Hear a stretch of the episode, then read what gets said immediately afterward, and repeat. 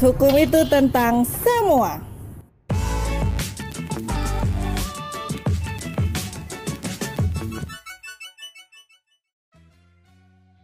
Kembali lagi di Hits Hukum itu tentang semua Bersama saya Antonio Bagas Dan saya dia. Bu, Yes. akhirnya kita mencicipi Mencicipi. tempat baru Iya. ya, yang... Kalau yang biasa eh, ikutin konten kita pasti ngeh nih. Iya, Kok tempatnya baru ya? betul Karena kan di konten-konten kita sebelumnya udah mention ya Udah spoiler lah istilahnya Kita akan tempat baru, tempat baru, tempat baru Dan inilah tempat baru kita Namanya Apa Bu? Kafirium. Ya saya agak cadel jadi ibu aja yang ngomong gitu Kafirium Di mana itu Bu? di terusan Jakarta nomor 80-an tepat di Bandung. Oke, jadi ini semakin mendekat ke kota Ya. Itu juga dekat saya sama Bapak Tapi agak effort lah Bu, Yes. Kali ini kita akan membahas mengenai ya biasalah saya kan suka mikir-mikir dulu gitu sebelum kita podcast baru apa ya kita membahas apa. Nah saya kepikiran ibu kan profesinya tidak hanya satu ya. Ibu kan banyak profesinya ibu rumah tangga, advokat, babysitter. nah, babysitter, eh, beberes rumah dan sebagainya dan salah satunya itu ibu juga menjadi dosen ya bu ya di salah satu universitas di Jakarta. Mm, Masih ingat nggak namanya? Apanya? Namanya masih ingat nggak? Ingat apa? Namanya? Universitasnya? Ya. Universitas Borobudur Jakarta. Nah, ibu kan sekarang udah mulai ngajar lagi nih. Mm-mm. Katanya sih kalau saya lihat-lihat nih eh, lebih sepi kasus ya dibandingkan ngajar. Maksudnya lebih rame ibu ngajar gitu dibandingkan kasus kan kasus tetap rame ya seribu per kasus tapi kan 500 sudah ke saya ibu tinggal sisa kan ngajarnya tuh. eh, udah ada yang SH, Oh, jadi iya. udah bisa eh, backup kan. Betul. Terus teman-teman juga udah jalan juga. Jadi saya lebih di belakang layar. Sekarang lagi menikmati eh, semester baru, guys. Jadi lagi semangat. Bikin semangat semangatnya ya. Dan lain-lain. Ya seperti biasa lah ini dosennya lebih semangat kadang dibandingkan mahasiswa. Oh jangan salah, mahasiswa saya selalu menunggu di hari Senin Kenapa itu? jadwal saya ngajar. Oh. ya ya ya. Nah, ibu kan sekarang ngajar tep eh, apa bu? Teknik pembuatan kontrak. Iya. Tadi saya mau singkat. Teknik pembuatan kontrak TPK. Nah, TPK. Nah, ibu kan lagi buat teknik pembuatan kontrak. Dan kebetulan sekali nih bu, Hmm? kan ibu baru selesaiin kasus PHI ya, yang lagi-lagi terkait perjanjian gitu. Ya udahlah, podcast kali ini kita bahas perjanjian aja, perjanjian kerja maksudnya. Oke. Oke. Nah, jadi kan Bu, biasanya kalau misalnya eh, saya nih mau kerja di suatu perusahaan atau di Ibu gitu kan, biasanya tuh ada namanya hubungan kerja. Ya. Nah, biasanya tuh hubungan kerja tuh timbul karena apa sih? Bisa karena apa gitu? Nah, kalau eh, hubungan kerja itu awalnya ya pastinya ada penyedia kerja, Hmm. ada pencari kerja. Hmm. Lalu si pencari kerja ini ketemuan lah dengan si penyedia kerja. Terus sa- misalnya kamu nih kan tadi kan, Ya. saya bilang gas, saya punya ini nih, punya kerjaan bla bla bla bla, punya lapangan nih buat Hmm. kamu. Terus kamu bilang oke deh bu, oke, eh, saya kayaknya eh, cocok nih eh, gabung sama ibu gitu kan. Nah akhirnya kita sama-sama cocok, Ya, ya. sama-sama cocok, kita sepakat.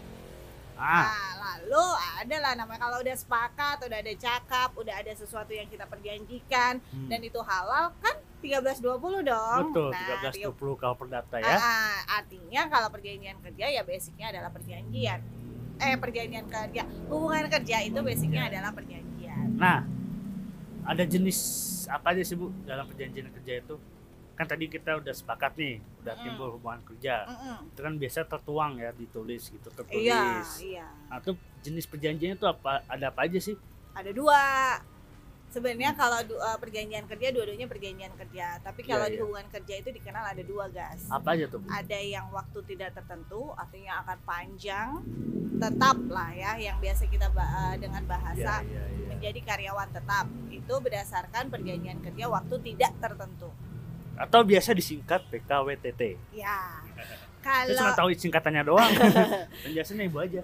kalau yang satu lagi Hmm. kalau ada tadi ada PKWTT Hmm. yang satu lagi itu PKWT perjanjian kerja waktu tertentu Hmm. artinya itu kontrak Iya, iya. Nah, karyawan itu biasanya disebut karyawan kontrak. Padahal bahasanya PKWTT perjanjian kerja. Jadi eh, bukan kontrak kerja, tapi ada juga sih yang bilang kontrak Ya, kerja. itu mah kebiasaan ya. Kebiasaan di dalam dunia- praktek.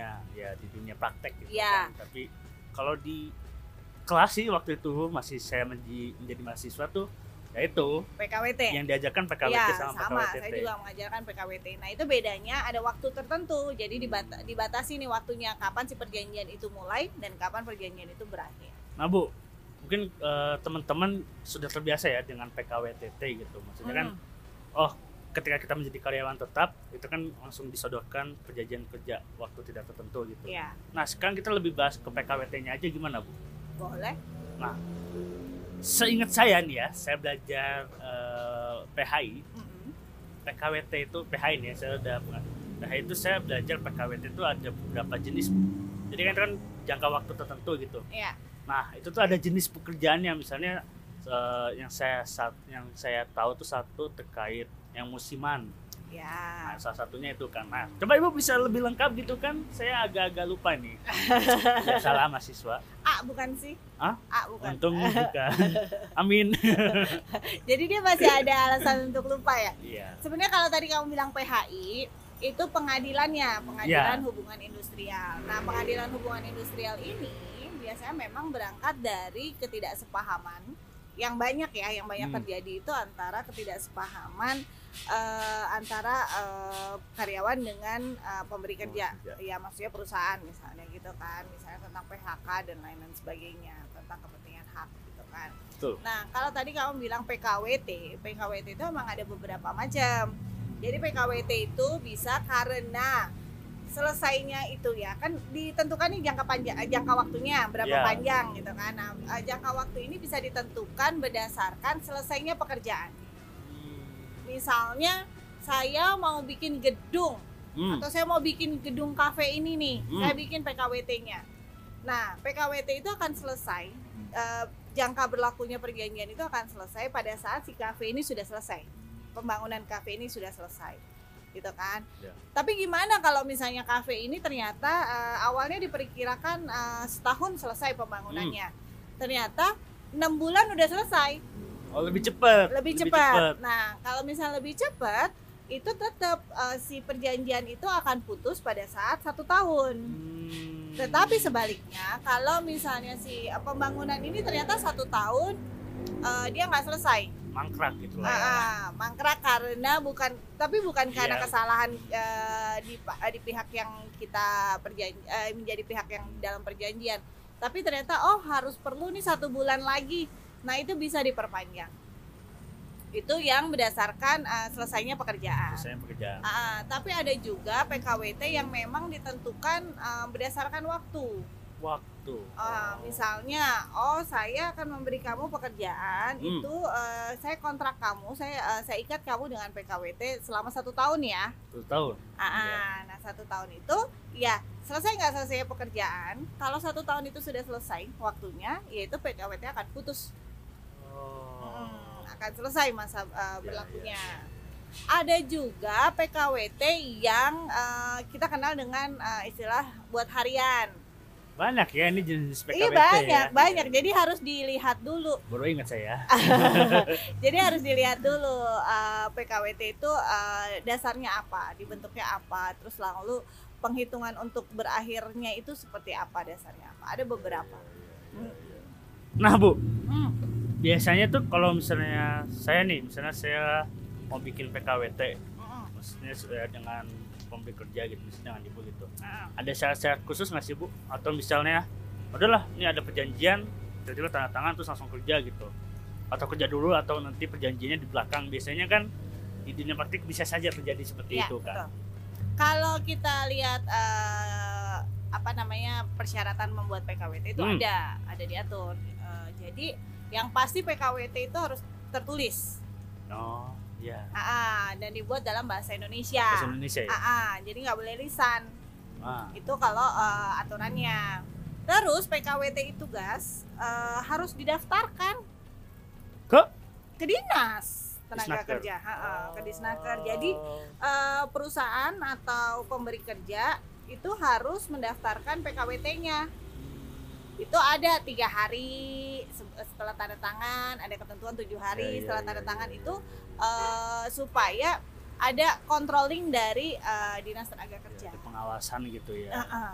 Jadi walaupun PKWT itu tetap harus juga ya di- didaftarkan ke iya dong Snaker ya. ya jadi kewajiban pemberi kerja itu dia mendaftarkan PKWT-nya ada berapa, PKWTT-nya ada berapa. Nah, Hmm. PKWT ini juga PKWT yang mana tadi? Hmm. Yang berdasarkan jangka waktu kah, yang berdasarkan eh, kerjaan borongan kah, Hmm. atau memang eh, pekerja harian? Itu ada semua gas didaftarkan semua. Ya, jadi ini menjadi concern untuk para pihak ya, baik pekerja maupun pemberi kerja gitu Iya. kan. Ya, Nah, ya, kalau ya. PKWT ini tidak memenuhi peraturan perundang-undangan, Hmm. Itu secara hukum dia berubah menjadi PKWTT. wow, Iya. magic. jadi gitu ya? Hmm. Oh, iya iya iya iya. Jadi kalau misalnya walaupun saya nih eh, dipekerjakan eh, tiga bulan gitu Mm-mm. dengan perjanjian PKWT gitu, Hmm. tapi ya para pihak lupa mendaftarkan ke snaker atau pemberi kerja ya biasanya kan. Biasanya pemberi kerja lupa mendaftarkan PKWT-nya ke snaker gitu jadi ada akibat hukumnya nih jadi Kalau kalau itu tentang pengawasan, kalau Hmm. itu untuk ada sanksi administrasinya. Tapi yang maksud saya berubah menjadi PKWTT misalnya nih perjanjiannya tidak dibuat eh, dengan menggunakan bahasa Indonesia yang baik dan benar. oh, iya, syarat-syarat seperti itu Ya, jadi si PKWT-nya ini nggak ada nama, alamat, para pihaknya siapa itu nggak ada. Terus eh, atau misalnya PKWT ini dibuat secara lisan. Hmm, Nah, gitu itu berubah menjadi PKWTT Ya, ya, ya. Kalau masalah didaftarkan atau tidak didaftarkan itu nanti ada namanya kita biasanya wasker pengawas pengawas ketenaga kerjaan kerja. itu dia bisa datang ke perusahaan-perusahaan atau siapa pun pemberi kerja nanti dia tanya nah dari, pengawasan itu Hmm? lalu ada nih sanksi-sanksinya sanksi administrasi gitu Biasanya ya. sanksi Oh, oke oke. paham paham paham. Jadi kebayang lah. Ya ya ya. Nah bu. Hmm. sebenarnya sih ini berita udah cukup lama ya. Tapi saya menjadi menggelitik sampai sekarang tuh ingin menegaskan aja sih pengen nanya ke ibu gini. Sebenarnya PKWT itu ketika eh, si perjanjian PKWT-nya ini habis si PKWT-nya habis apakah bisa diperpanjang? Hmm. Atau tidak gitu. Yang itu pertama. Lalu dipanjangnya bisa terus menerus atau tidak gitu. Jadi ya itu yang menjadi polemik kan. Banyak Iya, berita yang benar. membahas mengenai itu. Berarti dengan adanya sekarang kan ada undang-undang cipta kerja ya. Iya. nah itu yang kemarin agak-agak di demo gitu kan. Nah itu yang menjadi salah satu pertanyaannya. Apakah si PKWT ini bisa diperpanjang? Ya setahu sih bisa ya di undang-undang tenaker gitu kan. Nah tapi diperpanjang itu bisa terus menerus jadi misalnya kayak itu menjadi PKWT terus menerus atau ada jangka waktunya Ah, eh, sebenarnya ya guys Hmm. ya kan kembali lagi tadi eh, catatan penting di PKWT adalah eh, dia itu hanya pe- Hmm. untuk pekerjaan-pekerjaan yang memang bisa diperkirakan selesai dengan jangka waktu tertentu. jadi itu yang perlu dicatat ya Perlu dicatat. Nah, kalau pertanyaanmu bisa diperpanjang nggak? Hmm. Tentunya bisa dong. Kayak tadi kan contohnya kita mau bikin kafe, Hmm. ternyata kita perlu waktu satu bulan lagi. Itu perjanjian sudah selesai sebenarnya. Nah, kalau misalnya kita sepakat Hmm. antara para pihak ini sepakat untuk memperpanjang perjanjian, tentunya bisa. Nah, sampai batas waktu yang uh, berapa lama? Kalau itu, uh, jadi gini, kalau Gimana? itu ada uh, maksimal itu lima tahun. lima tahun Ah, jadi jumlah maksimal itu lima tahun. Tetapi eh, itu tidak berlaku untuk pekerjaan-pekerjaan, Hmm. hubungan pekerjaan antara eh, perusahaan dengan karyawan, misalnya untuk yang bekerja di posisi-posisi yang menjadi main bisnis di perusahaan. Gitu, misalnya nih, ini perusahaan eh, perusahaan eh, apa ya eh, perhotelan misalnya. Perhotelan tuh dia main bisnis kan. betul Nah, jadi dia nggak boleh nih, misalnya si eh, eh, apa sih namanya yang kayak eh, accounting gitu ya. Eh, walaupun kadang-kadang dia staff gitu ya. Main bisnisnya apa? Bisnisnya apa? Dia menjual jasa hotel. Tapi kan namanya accounting, namanya HRD, atau bagian legalnya bagian gitu kan legalnya itu kan sebenarnya jantung juga dalam Iya. perusahaan itu itu. justru fondasinya gitu kan. Fondasinya. Nah, termasuk juga eh, chef misalnya Iya. Ya atau dia eh, bagian room service-nya. Nah, itu main bisnis yang tidak bisa terus menerus dengan kontrak, betul. Dengan perjanjian karena itu main bisnis. Dia nggak bisa nggak bisa ditentukan oh eh, saya hanya meng- eh, memperkerjakan dia satu tahun gitu kan. Karena bisnis kecuali karena bisnis saya tinggal satu tahun lagi nih satu tahun ke depan saya mau tutup. Itu bisa ya tapi kalau itu masih terus berjalan si main bisnis itu masih terus dilakukan itu nggak boleh pakai PKWT nah itu nanti akan berubah menjadi PKWTT hubungan kerjanya. Jadi kalau pertanyaannya bisa nggak diperpanjang? Bisa. Bisa. apa dulu yang diperpanjang? Perjanjiannya yang seperti apa dulu? Apakah perjanjian ini eh, sebenarnya sudah memenuhi syarat prinsip Hmm. eh, yang bisa ditentukan eh, bisa diperjanjikan dengan PKWT Hmm, ya. begitu Menarik ya. Ini perlu dicatat ya.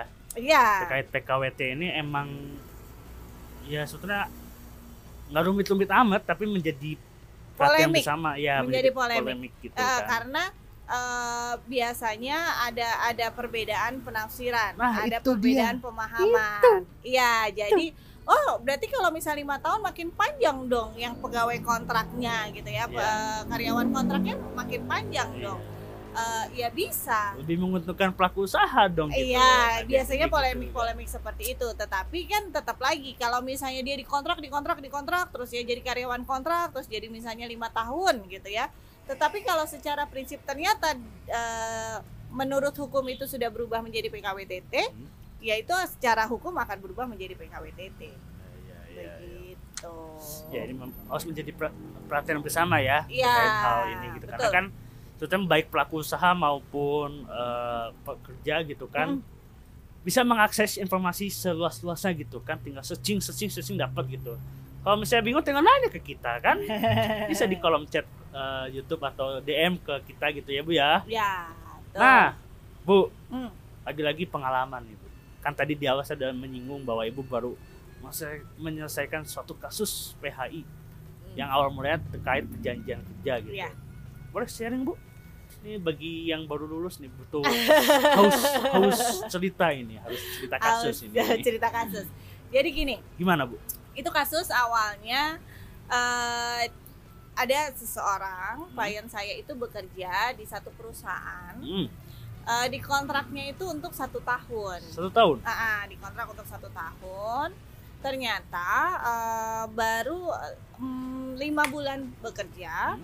eh, dia diputus hubungan pekerjaannya karena eh, apa namanya dibilangnya eh, tidak mencapai target dibilang dibilangnya kurang eh, kompeten Iya, gitu-gitu. kurang kompeten dengan segala segala Alasannya. alasannya.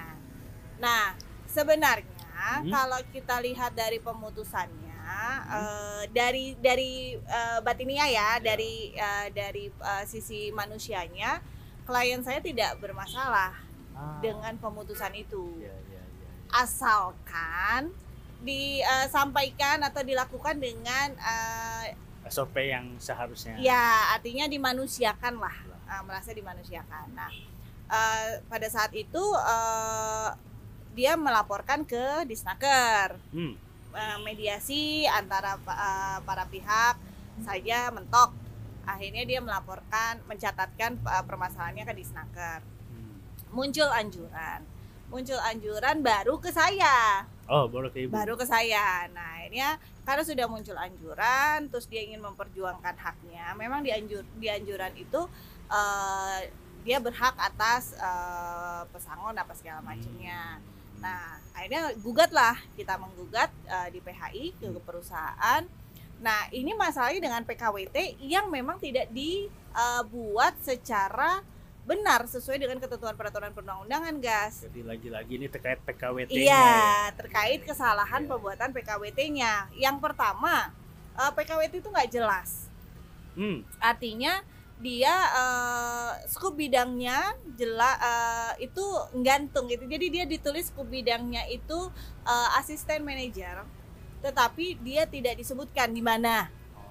Oh, dibikin umum tapi Dibikin bikin umum, gitu. ya seperti menggantung dalam Iya, tanda iya, kutip iya. gitu kan. Lalu eh, apa namanya tadi yang kalau dibilang dia tidak mencapai target itu sama sekali tidak pernah terinformasi kepada eh, pekerja Oh. kepada klien saya. Jadi waktu dia dibilang "Ya, eh, kinerja jelek tidak mencapai target, target dia- yang mana ini iya, target Oh, yang mana nih? iya, iya. padahal saya eh, sudah melakukan ini ini ini ini ini buktinya. Nah ternyata setelah ditelisik lagi akhirnya eh, dari sisi saya saya membuktikan bahwa PKWT ini seharusnya berubah menjadi PKWTT Hmm. dan itu pun memang sejalan dengan isi anjuran dari Dinas Tenaga Kerja. Jadi ibu tinggal ibu mau melanjutkan isi Iya. anjuran dari Saya Dinas melanjutkan isi anjuran itu, akhirnya kita eh, buktikan di eh, persidangan Hmm. dan majelis hakim memang eh, juga mempertimbangkan bahwa benar Hmm. si PKWT ini bermasalah. Jadi kalaupun memang putus hubungan kerja, kita tidak tidak meminta untuk dipekerjakan kembali, Iya, iya. tapi kita meminta hak-hak kita. Karena sepa- secara prinsip itu tadi yang saya bilang bahwa klien menerima pemutusan hubungan kerja. Tapi caranya dan iya. hak-haknya dia yang selama dia bekerja belum terpenuhi. Nah, akhirnya diputuslah itu perkara. Jadi klien saya berhak atas hak-hak yang belum eh, diberikan. Didapatkan dari pelaku Ya, usaha. dari Iya, pelaku iya. usaha. Yang ngajuin kasasinya tuh siapa? Ibu atau dari maksudnya dari klien atau dari pelaku usahanya, Bu? Pelaku usaha Oh, lawan tidak terima ya. tidak terima Oh, iya. karena menurut dia dia sudah memberikan hak-haknya. Jadi ya menurut dia putus-putus aja gitu kan. Eh, ya sudah diajukan kasasi kita sebagai termohon kasasi ya menanggapi itu. Iya, ikut-ikut gitu. aja dan Nah, baru keluar putusannya sekarang. Iya, baru keluar putusannya sekarang dan kasasinya ditolak. Artinya eh, yang eh, mempunyai kekuatan hukum tetap adalah eh, putusan PHI. Gitu. Jadi perlu diingat kalau misalnya tidak setuju dengan putusan PHI langsung ke kasasi ya. Ya, tidak ada Tidak ada banding. banding. Tujuannya apa, Bu? Salah satunya Karena untuk ya. Iya, karena ini kan eh, kalau misalnya kita lihat eh, perkara ya, Iya. Perkara ini kalau misalnya perkara PHI itu ada ada kodenya itu PDT titik sus perdata khusus. Iya, karena ini harus harus segera diselesaikan secara cepat. Jadi nggak ada lagi eh, banding. Hmm, Jadi langsung ke kasasi. Iya, karena di sini kan ada hak yang memang harus didahulukan. Jadi Bu, saya mau nanya satu lagi. Jadi kalau misalnya kita diputus dari PHK dengan Mm-mm. perjanjian PKWT gitu kan, kita masih dapat hak kita misalnya kayak kompensasi atau pesangon gitu masih dapat. Eh, kalau misalnya kita diputus tidak sesuai dengan eh, apa yang diperjanjikan, Hmm. diputus tengah-tengah gitu maksudnya, itu dapat Oh dapat ya. dapat. Nah, kalaupun misalnya diputus dia sudah eh, berakhir gitu ya, jangka waktunya itu dapat. Itu ada di Undang-Undang Cipta Kerja dan ada di PP-nya, PP Ya, 35 tahun 2021. Di situ ada hak-hak eh, pekerja Hmm. Eh, sekalipun dia eh, dasarnya adalah PKWT, itu haknya dapat apa aja kalau putus hubungan kerja itu ada. Ya, ya, ya, ya. Ada. Karena itu ke mana ada yang nanya ke saya. Kenapa tuh? Jadi dia PKWT terus diputus di tengah-tengah, Mm-mm. terus dia nanya sebenarnya saya dapat pesangon semacam pesangon itu atau enggak gitu. Ada uang-uang hak apa Iya, pengganti uang pengganti hak. gitu, ah, Nah. mau pengganti hak atau gimana gitu. Ada. Ada, itu ada di eh, PP-nya. Ya, ya, ya, udah berarti nanti abis ini saya langsung DM lagi dah. PP nomor 35 tahun 2001. Ten- 2001. ah, ah, itu eh, peraturan pemerintah yang melaksanakan Undang-Undang Cipta Kerja. Oke, oke, oke. Siap. Gitu. 2001, 2021. Eh, sorry 2021. Nah, itu dia. Karena undang-undang cipta kerja aja baru ada 2020 gitu. 2021. Itu ngetes aja sih. Teman-teman masih fokus atau tidak gitu. Dan saya ya. Iya.